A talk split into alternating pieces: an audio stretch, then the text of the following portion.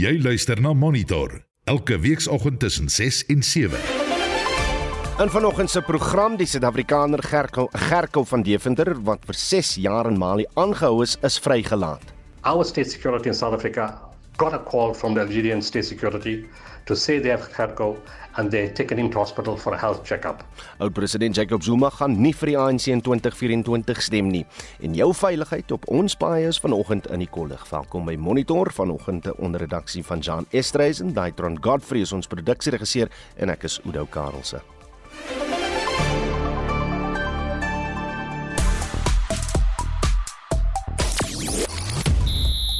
Die mans en vroue Protea spanne gou harde klippe op die cricketveld. Die Cheetahs wys hoekom hulle meer gereelde rugby moet speel en Louis Oosthuizen kraai koning op 'n baan wat hy help ontwerp het. Ek is Shaun Schuster vir RSG Sport.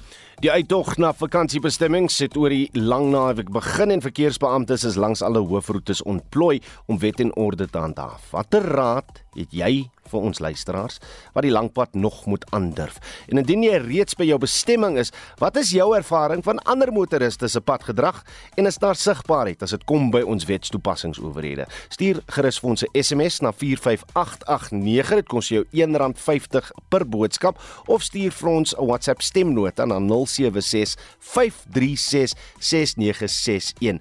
Wat sien jy op die pad? Jy luister na Monitor elke weekoggend tussen 6 en 7. Dis byna 10 minute oor 6. Die Suid-Afrikaner wat vir 6 jaar in Mali as gijslaer aangehou is, Gerko van Deventer, Saterdag vrygelaat en na Algerië geneem. Die aankondiging is gister deur die stigter van Gift of the Givers, Dr. Imtiaz Suliman gemaak van Deventer se vrou Sherin. Sê sy sy, sy is baie dankbaar, maar is in die stadium nog te oorweldig om met die media te praat. Dr. Suliman het op sy beurt gesê Gift of the Givers het van Deventer se vryheid oor 'n paar jaar onderhandel. It's been several years of hard work trying with great difficulty because there was no ransom to pay. Gift of the Givers got involved in 2018 at the request of the family. The initial asking price for ransom was 3 million US dollars at that point. We negotiated it down to 500,000 US dollars, but the family could not afford it. There was no benefactor. The company that Kharkov worked for, we couldn't assist, and Gift of the Givers doesn't pay ransom. Dr Suliman sê hulle is slegs onderhandelaars vir families wat hulle geliefdes veilig na Suid-Afrika wil terugbring. The negotiations stalled, then came COVID and everything just died. January this year, one of the intermediaries who's very closely linked to us asked us to get involved again. But we had no leverage. Nevertheless, we tried using the month of Ramadan to encourage the hostage takers to release Hadko unconditionally because the fasting month softens hearts.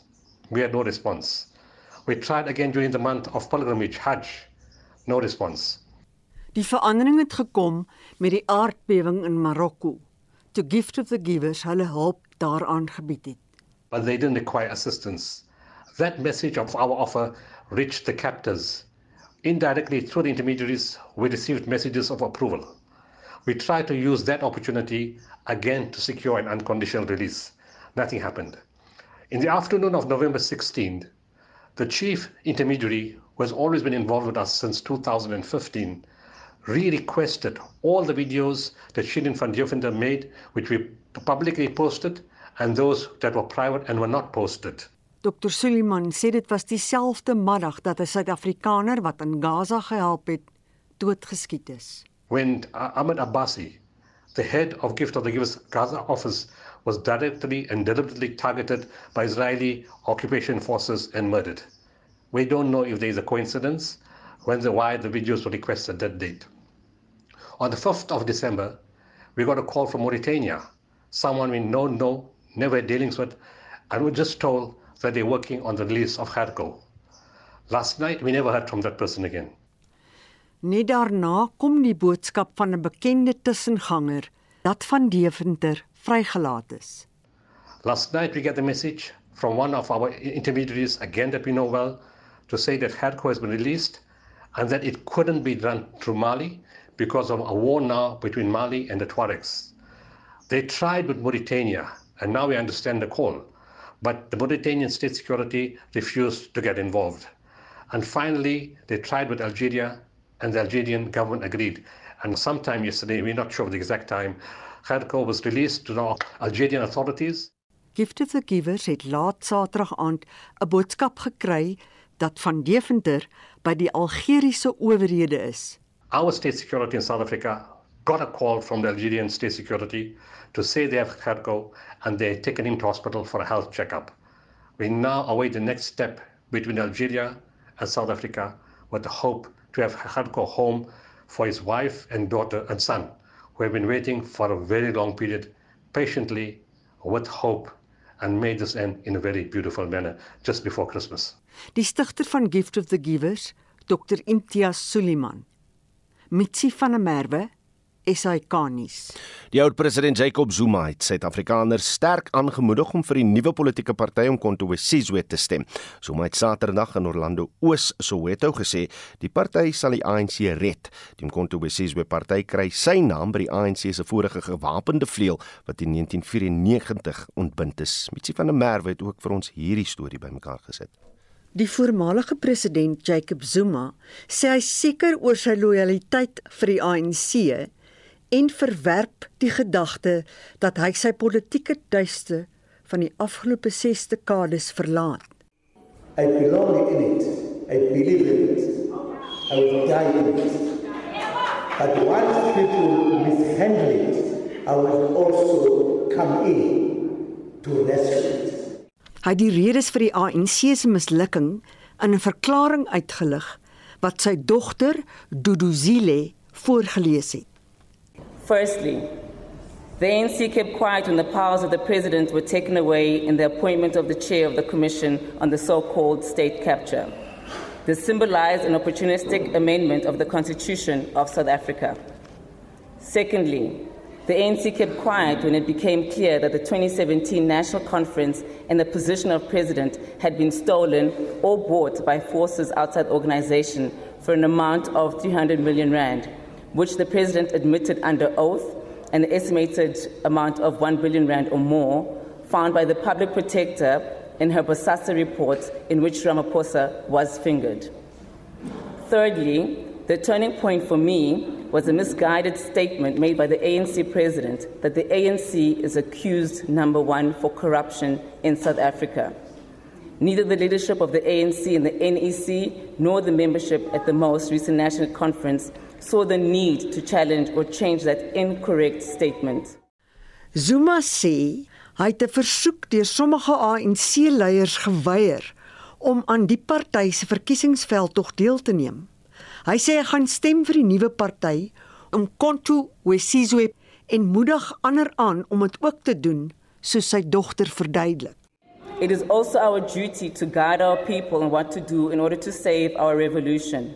From its enemies and to achieve the society envisioned by the Freedom Charter. I therefore wish to announce that in 2024, I will vote for the Mkonto Wesizwe MK party. It has already been registered with the IEC with my knowledge and blessings in response to various pleas expressed to me by some religious leaders, traditional leaders, former combatants, and other leaders in society. I call on all South Africans to join me in taking the important step and to vote for the MK party and any other progressive party. Volgens Zuma is die Umkhonto weSizwe party hier om die ANC te red. When we came back, we did not lose MK. It was actually the name was taken off. And people were with MK were MK MVA. Two different.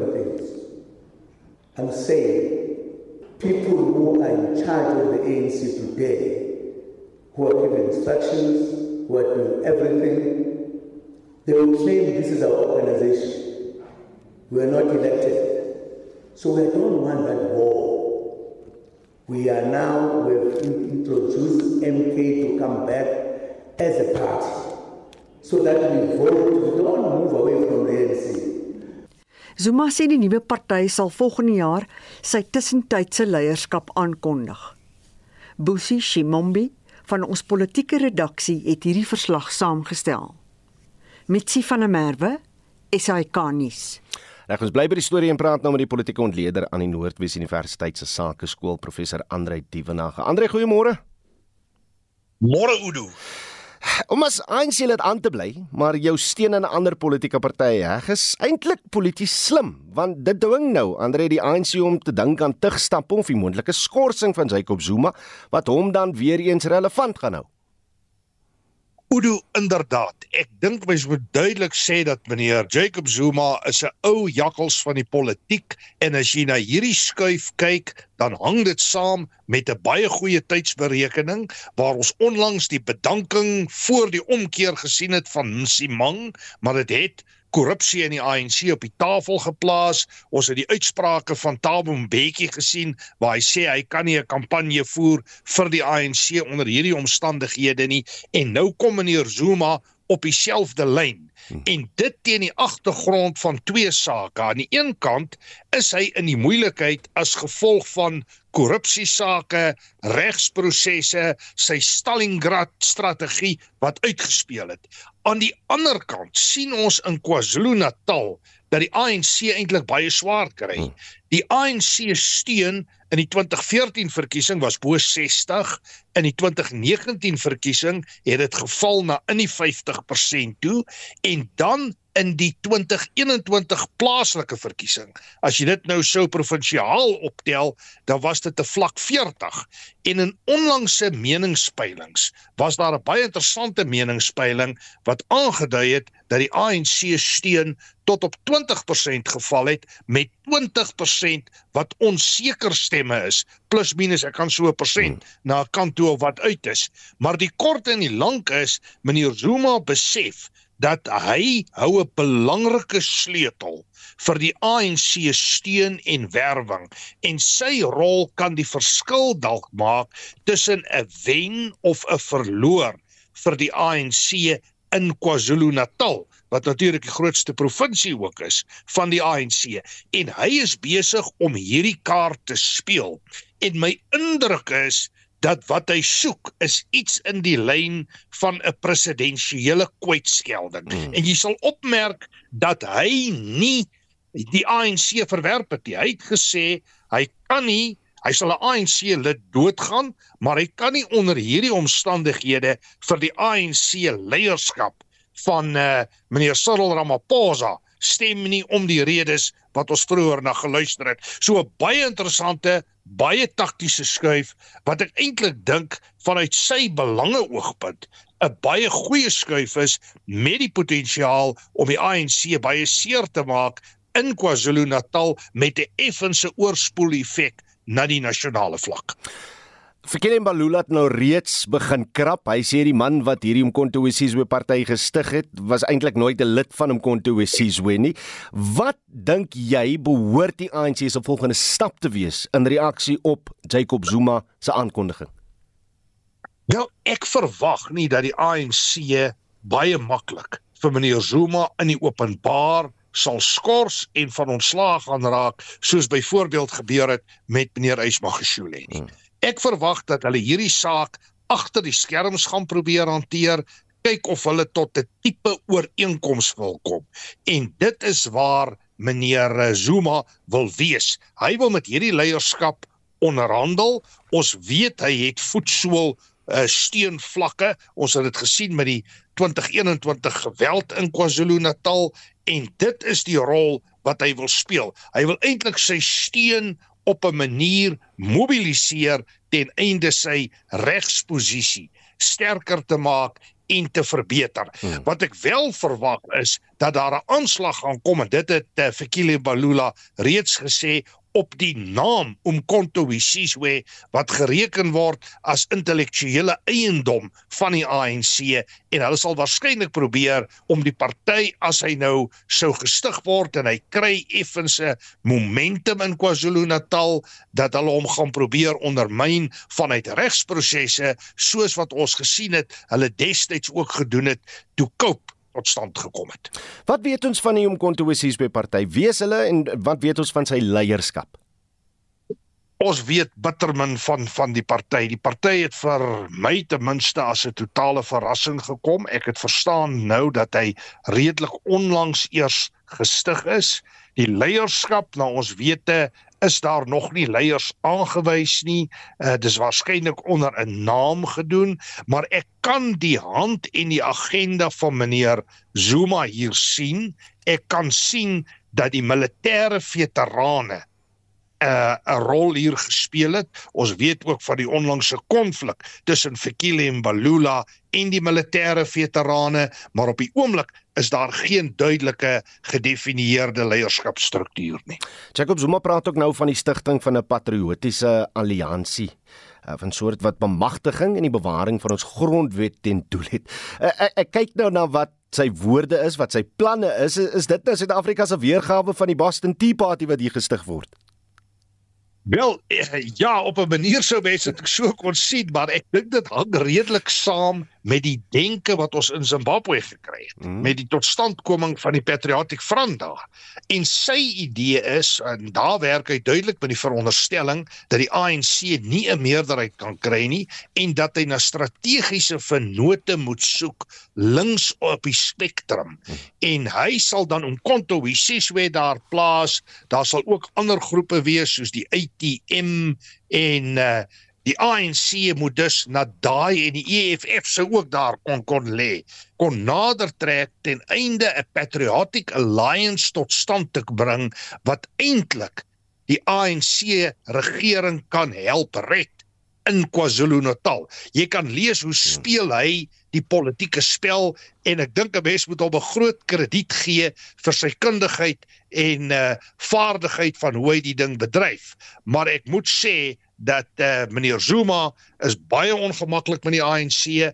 Hy voel hulle het hom verneuk en verneerder. Hulle mobiliseer hofsaake teen hom. Sy opsies in die regskant is heeltemal uitgedien. Die saak beweeg nou na 'n punt toe waar hy nie meer met 'n Stalingrad tipe strategie die proses kan ondermyn nie. En 'n mens kan sê hofsaake is sy voorland en die waarskynlik is uit is dat hy ook in 'n tronk kan opeindig sou daardie prosesse deurgaan en hy gebruik effektief op 'n baie slim en 'n gekoördineerde wyse politieke mag om eintlik daardie proses te verydel en hy probeer ook om aan te dui dat die Ramaphosa regering inherent korrup is en daar haak hy aan by die standpunte van iemand soos Msimang en dit wat ons vroeër gehoor het wat Tabombeki ook ten opsigte van die ANC gesê het. Professor Andrei Dievenage is 'n politieke ontleder verbonde aan die Noordwes Universiteit se Sakeskool.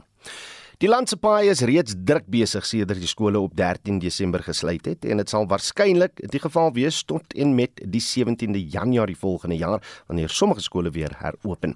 Die automobielvereniging, die AA, sê die verpligting rus op motoriste om te konsentreer wanneer hulle wanneer hulle reis.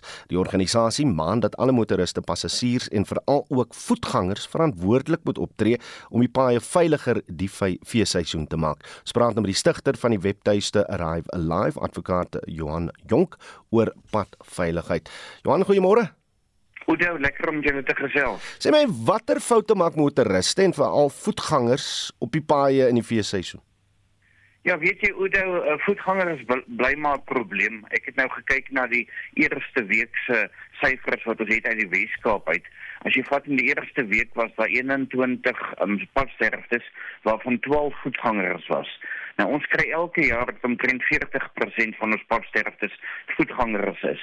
Ek weet dit is maar baie keer uh, dis 'n probleem in die aand, dis 'n probleem met die kom ons sê alkohol aangedrewe voetgangers weet wat onverskillig oor die pad hardloop.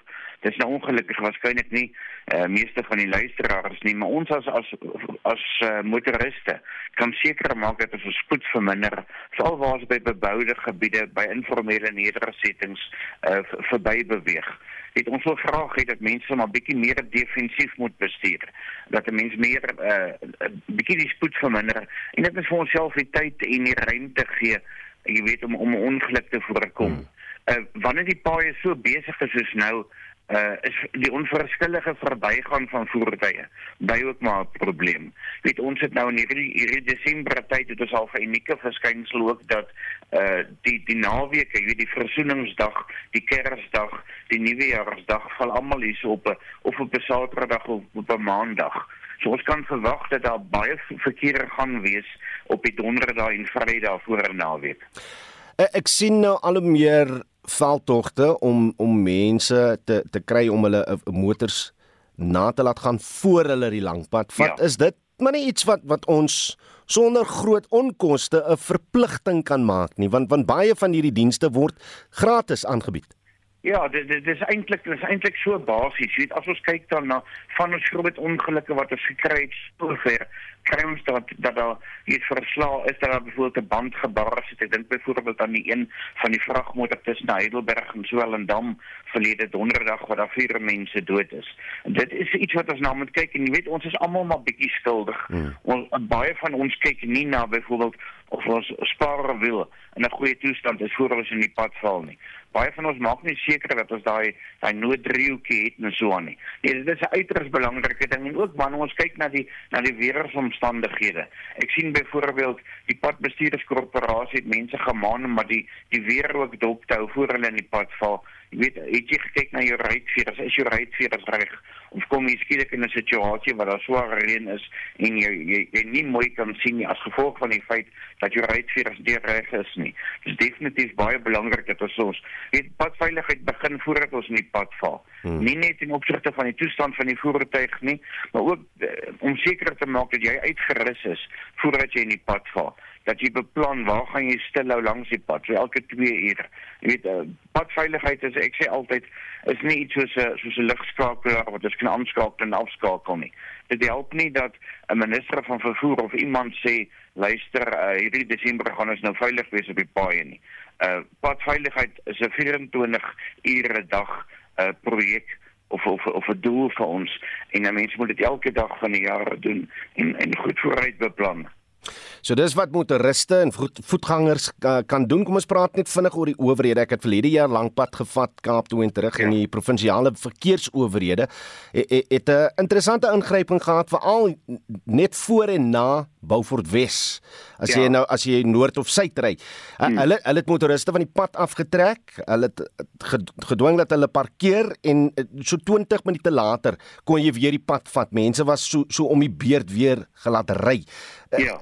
Dit dwing jou om 'n bietjie van 'n blaaskansie te vat wat wat baie mense glad nie vat nie veral ja. as dit kom by openbare vervoer. Hulle stop net daar waar hulle petrol moet insit en klaar. Ja. Nee, dit is definitief 'n uh, belangrike een. Daar daardie pad tussen Beaufort Wes en Lensburg word baie keer maar die pad van die dood genoem, maar dit is as gevolg van bestuurdermoegheid. Veral wanneer ons baie van die minibestaksies het. Uh, ek sien daar's nou weer 'n veld tog wat gesamentlik aangepak word tussen die Weskaap en die Ooskaap met 'n klomp van die mense wat minibestaksies ry en en ongelukkig baie van die minibustaksie bestuurders word maar betaal deur hulle baas of die eienaars van die taksies vir die hoeveelheid uh uh trips of die, die hmm. hoeveelheid ritte wat hulle doen en daar word nie genoeg aandag gegee aan die feit dat jy elke 2 ure eerder moet stop nie. Ek sê altyd met bestuurder moegheid, weet jy het dit nodig, jou kar het dit nodig, jou motor het dit nodig en jou passasiers het dit nodig. So stop maar en strek 'n bietjie. Dit is snaaks so werke mense kop. Hoe nou jy sal weet as 'n ou nou, ek het nou laasweek Woensdag het ek nou die 740 km gery van af Bloemfontein Oudtshoorn toe. Nou gaan nie 'n klomp voertuie, 'n klomp trokke verby dan nou jy stil en dink jy my ene ek moet nou weer hierdie trokke en goed verbyry wat wat wat eintlik glad nie sin maak nie uh, want as maar net weer nuwe voertuie. Maar dit is uiters belangrik dat ons probeer stop uh jy bestuurder moegheid uh dronk bestuur en die gebruik van selfone is almal vorme van van afgeleide bestuur of distracted driving En ek dink ons gee nie altyd genoeg aandag daaraan dat wanneer jy moeg is dat jy ook nie die regte besluite kan neem ten opsigte van die verbygaan van voertuie, ten opsigte van ruimte, ten opsigte van volgafstande nie. Dit dan advokaat Johan Jonk van uh, wat die webtuiste Arrive Live begin het. Jy luister na Monitor. Elke weekoggend tussen 6 en 7.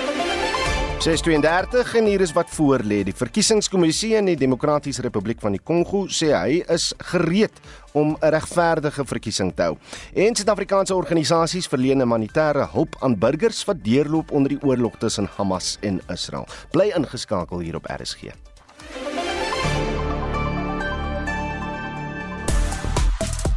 Reg vanoggend vra ons watter raad het jy vir luisteraars wat nog die lang pad moet aandurf? En indien jy reeds by jou bestemming is, wat is jou ervaring van ander motoriste se padgedrag? En en sien jy die owerhede? Is daar sigbaarheid as dit kom by die mense wat die wette uh toepas?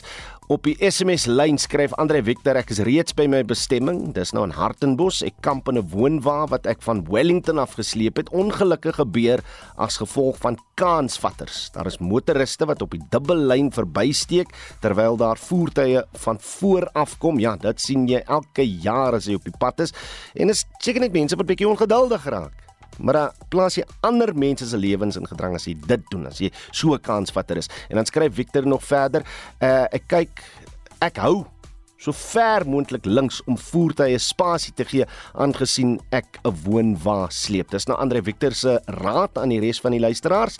As jy reeds die lang pad aangedurf het en jy veilig by jou bestemming gekom, praat bietjie oor jou ervaring asseblief. Stuur vir ons 'n SMS op die nommer 45889. Dit kos jou R1.50 per boodskap. Jy kan ook vir ons 'n WhatsApp stemnota stuur na die nommer 0765366961.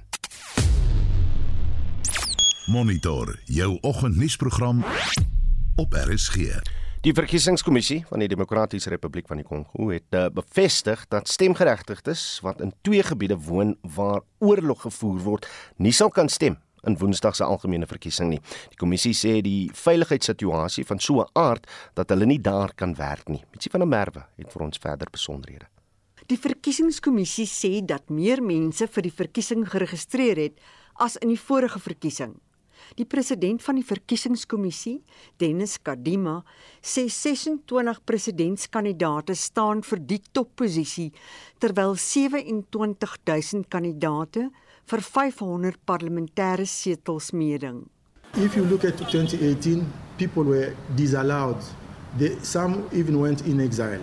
They could not stand as candidates. This time around, everyone who wanted to be a candidate is a candidate. To the extent that we have 26 presidential candidates, and we have all together, if you take all the four uh, polls, we are going to have 100,000 candidates. Which is huge. That the, the size of the population of Seychelles. You see, that the number of our candidates in this country. So it shows that actually in 2018, because we always have to compare, there were 35,000 candidates. Now it's 100,000, which is threefold increment, which means also a lot of work for us. Die oorlog in die ooste van die DRK is 'n ingewikkelde kwessie. Dit het die kommissie se werk beïnvloed om moontlike kiesers vir die verkiesing te werf. Meer as 'n miljoen mense is verplaas en sommige van hulle gaan nie stem nie. Kadima sê partygebiede neem nie aan die verkiesing deel nie. We have a lot of instability, a lack of security in the east uh, of the country, but particularly in two areas, one called Masisi, the other one called Ruchuru. It's in North Kivu province. We are not going to hold elections there because we didn't conduct voter registration because of the violence. We were unable to carry out our work there. So the elections in those two areas plus one other area called Kwamut in western Congo are not going to hold elections. So it will happen everywhere else but in those three districts. Die DRK het sy hoop op SADC geplaas om veiligheidsmagte tydens die verkiesing te verskaf. Die minister van verdediging in die DRK, Jean-Pierre Bemba, sê Suid-Afrikaanse troepe sal voor Woensdag se verkiesing daar aankom. Today with the Nairobi uh, process, we are trying now to convince them to stop fighting, to lay down their gun, because we have uh, in the process of the disarmament, a program of disarmament, reinsertion of saw this group. That's what is taking place now. So most of the group tell you that are involved in this uh, program, except uh, this group of terrorists of MT33, 23, but uh, we are dealing with them. We will deal with them seriously and more and more now that are all our troops coming from the training are deployed now in the whole Congo. Yeah. Die hoof van SADC se verkiesingswaarnemerssending, Enoch Kawindele, sê stemmateriaal word in verskillende dele van die land afgelewer. Now voting equipment as of today I'm aware of some helicopters that have been provided to take equipment to those areas that had not received them. Maybe not sufficient, but certainly they were expecting helicopters which have been provided. And as we sit here, those helicopters are busy transporting the equipment. Die verkiesingskommissie het die Kongolese verseker dat hulle 'n vrye, regverdige en geloofwaardige verkiesing sal kry. Die Taba Totsetsi het hierdie verslag in die DRK saamgestel. Mitsi van der Merwe SAK-nuus. Soos Kers Kers Kersfees nader kruip, neem die nood in die Gaza-strook toe en minstens 10 Suid-Afrikaanse organisasies sit skouer aan die wiel om verligting te bring aan burgers wat deurloop onder die oorlog tussen Hamas en Israel. Maar wat word gestuur en hoe lank neem dit? Marlene Forsie is in Kaïro, Egipte, waar die Afrika Moslem Agentskap 5 vragmotors sal pak het om na die Rafah grens toe te gaan met humanitêre hulp wat hoofsaaklik deur Suid-Afrikaners geskenk is. Hier is haar ervaring. Die pakhuis waar ek my bevind is 'n muurnes van bedrywigheid van daar al die geluide wat jy gaan hoor in hierdie bydrae. Maar die organisasie saam met wie ek hier is is die Afrika Moslem Agentskap en die agentskap werk saam met die organisasie Humanitarian Aid Consultation and Solutions oftewel HACS. Dis 'n derde party organisasie wat die humanitêre hulp wat na Gaza gestuur word help koördineer en dis in hulle pakhuis waar 5 vragmotors met 'n gesamentlike gewig van 14000 ton gelaai gaan word. Nou oral waar in die pakhuis kyk, is al bokse vol kos, medikasie, sanitêre produkte en hoope komberse. Die direkteur van HACS, Shamina Kolia, hou 'n wakende oog. But we were here early on the ground. It's a complex situation. It's basically a war and it's very unpredictable things. So we'd be able to establish contacts, suppliers, and a chain to get aid from Cairo directly into Gaza. And it's a well refined process, and I think that that's what makes us a little bit different. How many boxes more or less per day go through your warehouses? We have three warehouses. Each warehouse has three shifts, and so we're basically operating almost on a 24 7 basis.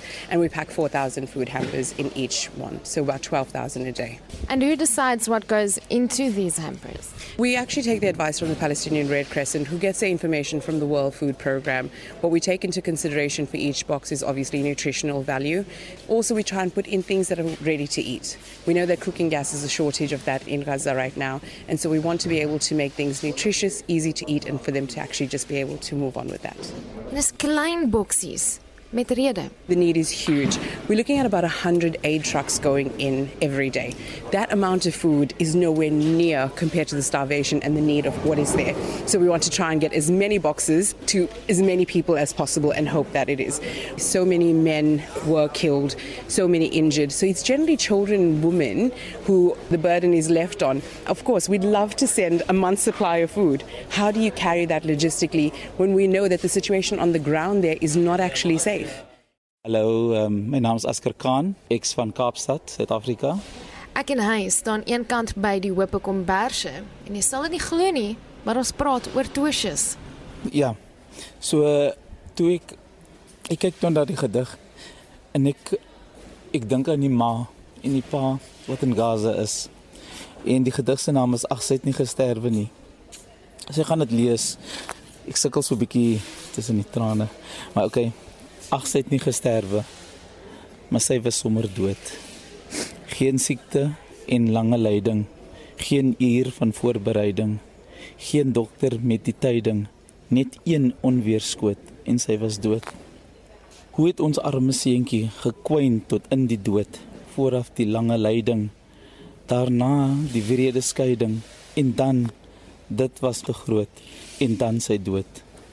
Maar bitterder as bitter die plotsheid van haar nood. 'n Vonkvuur blits die tyding, 'n straalpyl bring die lyding. 'n Skrikroep is die skeiding en sy het nie gesterwe, maar sy was sommer dood. Maar hoe bring hy Tosjes en Gaza bymekaar uit? Soos jy groter word en jy gaan deur verskillende um, uitdagings ensovoorts, jy ontwikkel 'n verhouding met God en daar stye van pyn en daar stye van vreugde en baie wat dit baie moeilik maak om God se besluit te aanvaar. Hy het 'n seentjie verloor as gevolg van 'n siekte en dit was 'n God se besluit en hy moes dit aanvaar. Sy was sommer dood is toe hy sy dogter verloor het as gevolg van 'n donderstraal wat haar geslaan het en dit was so skielik. Hy sien eintlik die gawe daarin dat die feit dat sy nie gelei het soos sy seentjie gelei het nie. So vir my kyk ek na daai ma van Gaza en die pa van Gaza wat hulle kindertjies in hulle arms hou wat soos hulle uit die boumateriaal gehaal word en dan sê hulle ek het twee kinders verloor maar ek het nog twee wat leef en hulle gaan voort en hulle weet een van die dae gaan ons weer in die hemel saam wees. Ek kyk na die komberse om ons streel daaroor en sê die volgende die droom is dat alles moet oorgaan. Ek raak aan hierdie komberse met my hande en ek streel die komberse en ek dink hopelik binne 2 dae gaan hierdie komberse om 'n kind wees of om 'n ma en haar kinders of om 'n pa en sy kinders. Dit is die gevoel van verskeie mense wat hier help om bokse te pak, soos Moin Saleh, 'n vaskulêre chirurg uit Pietermaritzburg. A lot of this medication is like IV medication, pain medication, antibiotics. There's a partner in Cairo that is dealing with the logistics of it all. They take all of the stuff across the Rafah border, and then once it's across the Rafah border, then the Palestinian Red Crescent trucks will then take it and deliver it to the places that is required. The medication specifically is not delivered to the individual hospitals, rather, it is delivered to a point where it is overseen by the Ministry of Health. Hy maak dit sy werk hier om op hoogte te bly van sake en vra hom enige iets staan hy reg met 'n antwoord. At the moment the hope is that more humanitarian aid can get in quicker so that it can meet the needs of the people on the ground. But ultimately the biggest wish and hope is for total ceasefire. Intussen is daar heelwat wanpersepsies wat die rondte doen, soos dat vragmotors nie deur die grens by Rafah sal kan uitkom nie. Volgens Colia is dit egter ver van die waarheid af. The Palestinian Red Crescent, by the 13th of December, have confirmed that they've received 3,150 aid trucks that have come through. So, if we're saying that you know no aid is getting through, but the official authorities are verifying that it is getting through, then how do we actually keep that hope up? Because we do need to respond to this humanitarian crisis, and so dispelling those misconceptions actually impact the people of Gaza. We need to stop doing that, and we need to get the right information out to people. Dit is een van die redes hoekom die Afrika Moslem Agentskap, soos verskeie ander organisasies in Suid-Afrika, alles in hulle vermoë doen om te help. Marlene Forsie vir SAK nuus in Kaïro, Egipte. Verskeie hernubare energieprojekte is die afgelope jaar in die Noord-Kaap en ander provinsies opgerig. BirdLife Suid-Afrika is egter bekommerd oor die toename in bedreigde voëls wat in windturbines vasvlieg en vrek. Die organisasie sê wanneer windplase gebou word, moet maatskappye voëls in gedagte hou. Estie de Klerk berig. Dit is dalk die toekoms van kragopwekking, maar BirdLife Suid-Afrika sê windplase kan 'n hoë risiko vir voëllewe inhou in die gebiede waar dit gebou word. Die projekbestuurder van voëls en hernubare energie by BirdLife Suid-Afrika, Samantha Ralston, sê daar word geraam dat een windturbine elke jaar minstens 50 vrektes onder verskeie voëlspesies veroorsaak. Sy sê die spesies sluit jakkalsvoëls, breekoparende en witrug aasvoëls in. A lot of these groups of birds are already threatened for a number of other reasons. So the introduction of renewable energy just adds a whole nother layer of threat for a lot of these species. This is not just an issue for your raptors and vultures. A huge variety of different species are affected. In fact, we have records of over 202 different species have shown up as fatalities at wind energy facilities throughout South Africa, which is quite a large number. Ralston vra die regering en hernubare energiemaatskappye om maatreëls in plek te stel om die vrektes van voëls te verminder. Partly it's putting the wind farms in the right place, so making sure that we're doing the right studies, the right environmental impact assessments so that we know that we're putting wind farms in areas where there is a low risk. Then, once a wind farm's operational, something that's proving to be relatively effective is what's known as shutdown on demand, where literally you stop the turbine blades turning when birds are at risk when they're recorded at the wind farm. And this can either be done by the use of human observers or technology. 'n Omgewingswetenskaplike van die Noord-Kaapse Departement van Landbou en Omgewingsake, Konrad Geldenhuys, sê hulle oorweeg nuwe metodes en strenge regulasies om voëlvrektes te voorkom. Where the layout of the facility in that environment can be adjusted to accommodate sensitive bird species. A recent uh, development now is to start looking at painting one of these blades of, of a wind turbine a different color or with a stripe of black or red. This causes high contrast in the background environment that makes the turbine more visible to birds. BirdLife Suid-Afrika sê hy is nie gekant teen die gebruik van windkrag nie, maar dit sal op 'n volhoubare manier bestuur moet word wat nie die natuurlike habitat bedreig nie. Die verslag is saamgestel deur Neria Thlakotsa in Kimberley. Ek is Estie de Klerk vir SAK nuus. Wat is dit tyd vir die jongste sportnuus met Shaun Jooste môre Shaun? Goeiemôre Oudo. Kan jy glo ek het nie eers gister tyd gehad om my braaivuurtjie aan die brand te steek hier toe die Proteas alreeds sewe paaltjies wat plat getrek is teen Indië. So 'n dosis realiteit vir ons senior manspan op die cricketveld en 8 bowlers spog nou met 500 toetspaaltjies. Ja, soos ons uh, vroeër gehoor het, Indië het ons manspan gister 'n behoorlike losing met 8 paaltjies gegee en dit soos 'n T20 wedstryd laat lyk. Die Proteas is vir 'n skamer 116 uitgebul aan die Lepetlequai so 33 is die hoogste op die golflys vir die Proteas en India moker te 117 vir 62.4 balbeurte en neem voortou met nog twee wedstryde wat oorbly. En uh, Bangladesh het die Protea vrouespan in Oos-London met 119 lopies vermorsel. Bangladesh het 250 vir 3 aangeteken en Suid-Afrika vir 131 uitgeboonder. Julle is maar die mark se uh, 35 was die hoogste vir die Proteas. En ja, op die toetsfront het Australië vir Pakistan hulle eerste toets met 360 lopies verpletter en die Aussie draaibowler Nathan Lyon is nou deel van daardie elite groep wat 500 of meer toetspaaltjies kon plattrek. As hy die Cheetahs klop toe die Sharks span met 'n paar boksspelers in hul 23 taal, wat het in die ander wedstryde vir die plaaslike franchises gebeur?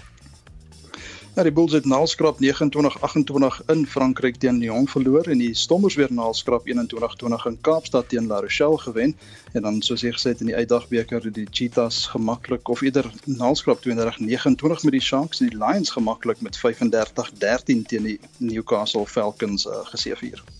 Reg, uh, wat het die naweek in Kaapstad in die uh, Nkosi Hokkiebeker gebeur, Shaun? In die mansafdeling het die Proteas gister 5-2 teen Namibië gestruikel. Dit is nou na Saterdag se 11-5 en 4-3 oorwinnings oor die FSA en ons buurland onderskeidelik. En in die vroue afdeling seëvier die Proteas 4-3 teen Ierland en 3-1 teen Namibië. Reg na sokker toe en Stellenbosch FC dring deur na die Kaling beker kragmeting teen die All-Star span en uh, jy het ook 'n paar ander uitslae van uh, die naweek.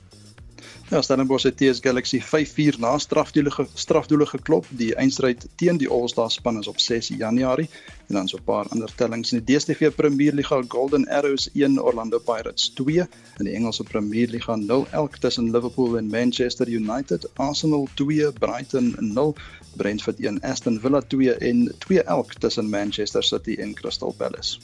En uh eers twee agtereenvolgende oorwinnings op die DP Wêreldreeks vir Dean Burmester en uh nou doen Louis Oosthuizen dieselfde.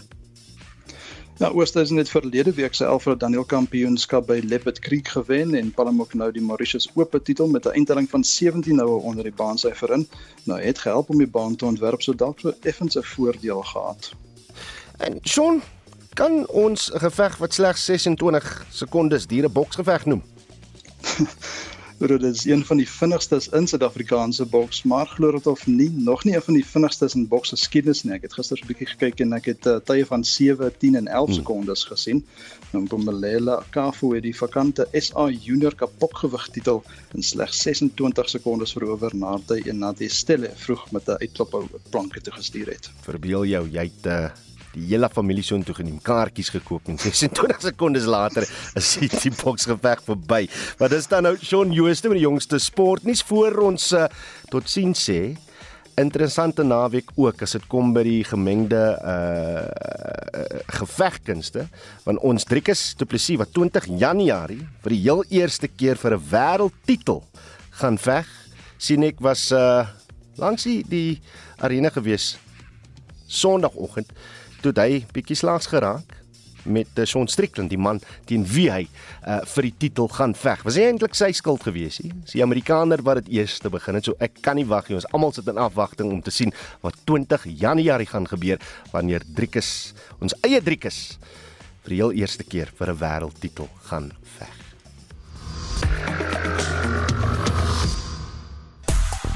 Reg ons vra vanoggend watter raad het jy vir luisteraars wat die lankpad nog moet aandurf en dit nie meer reeds by jou bestemming is? Wat is jou ervaring van ander motoriste se pad gedrag?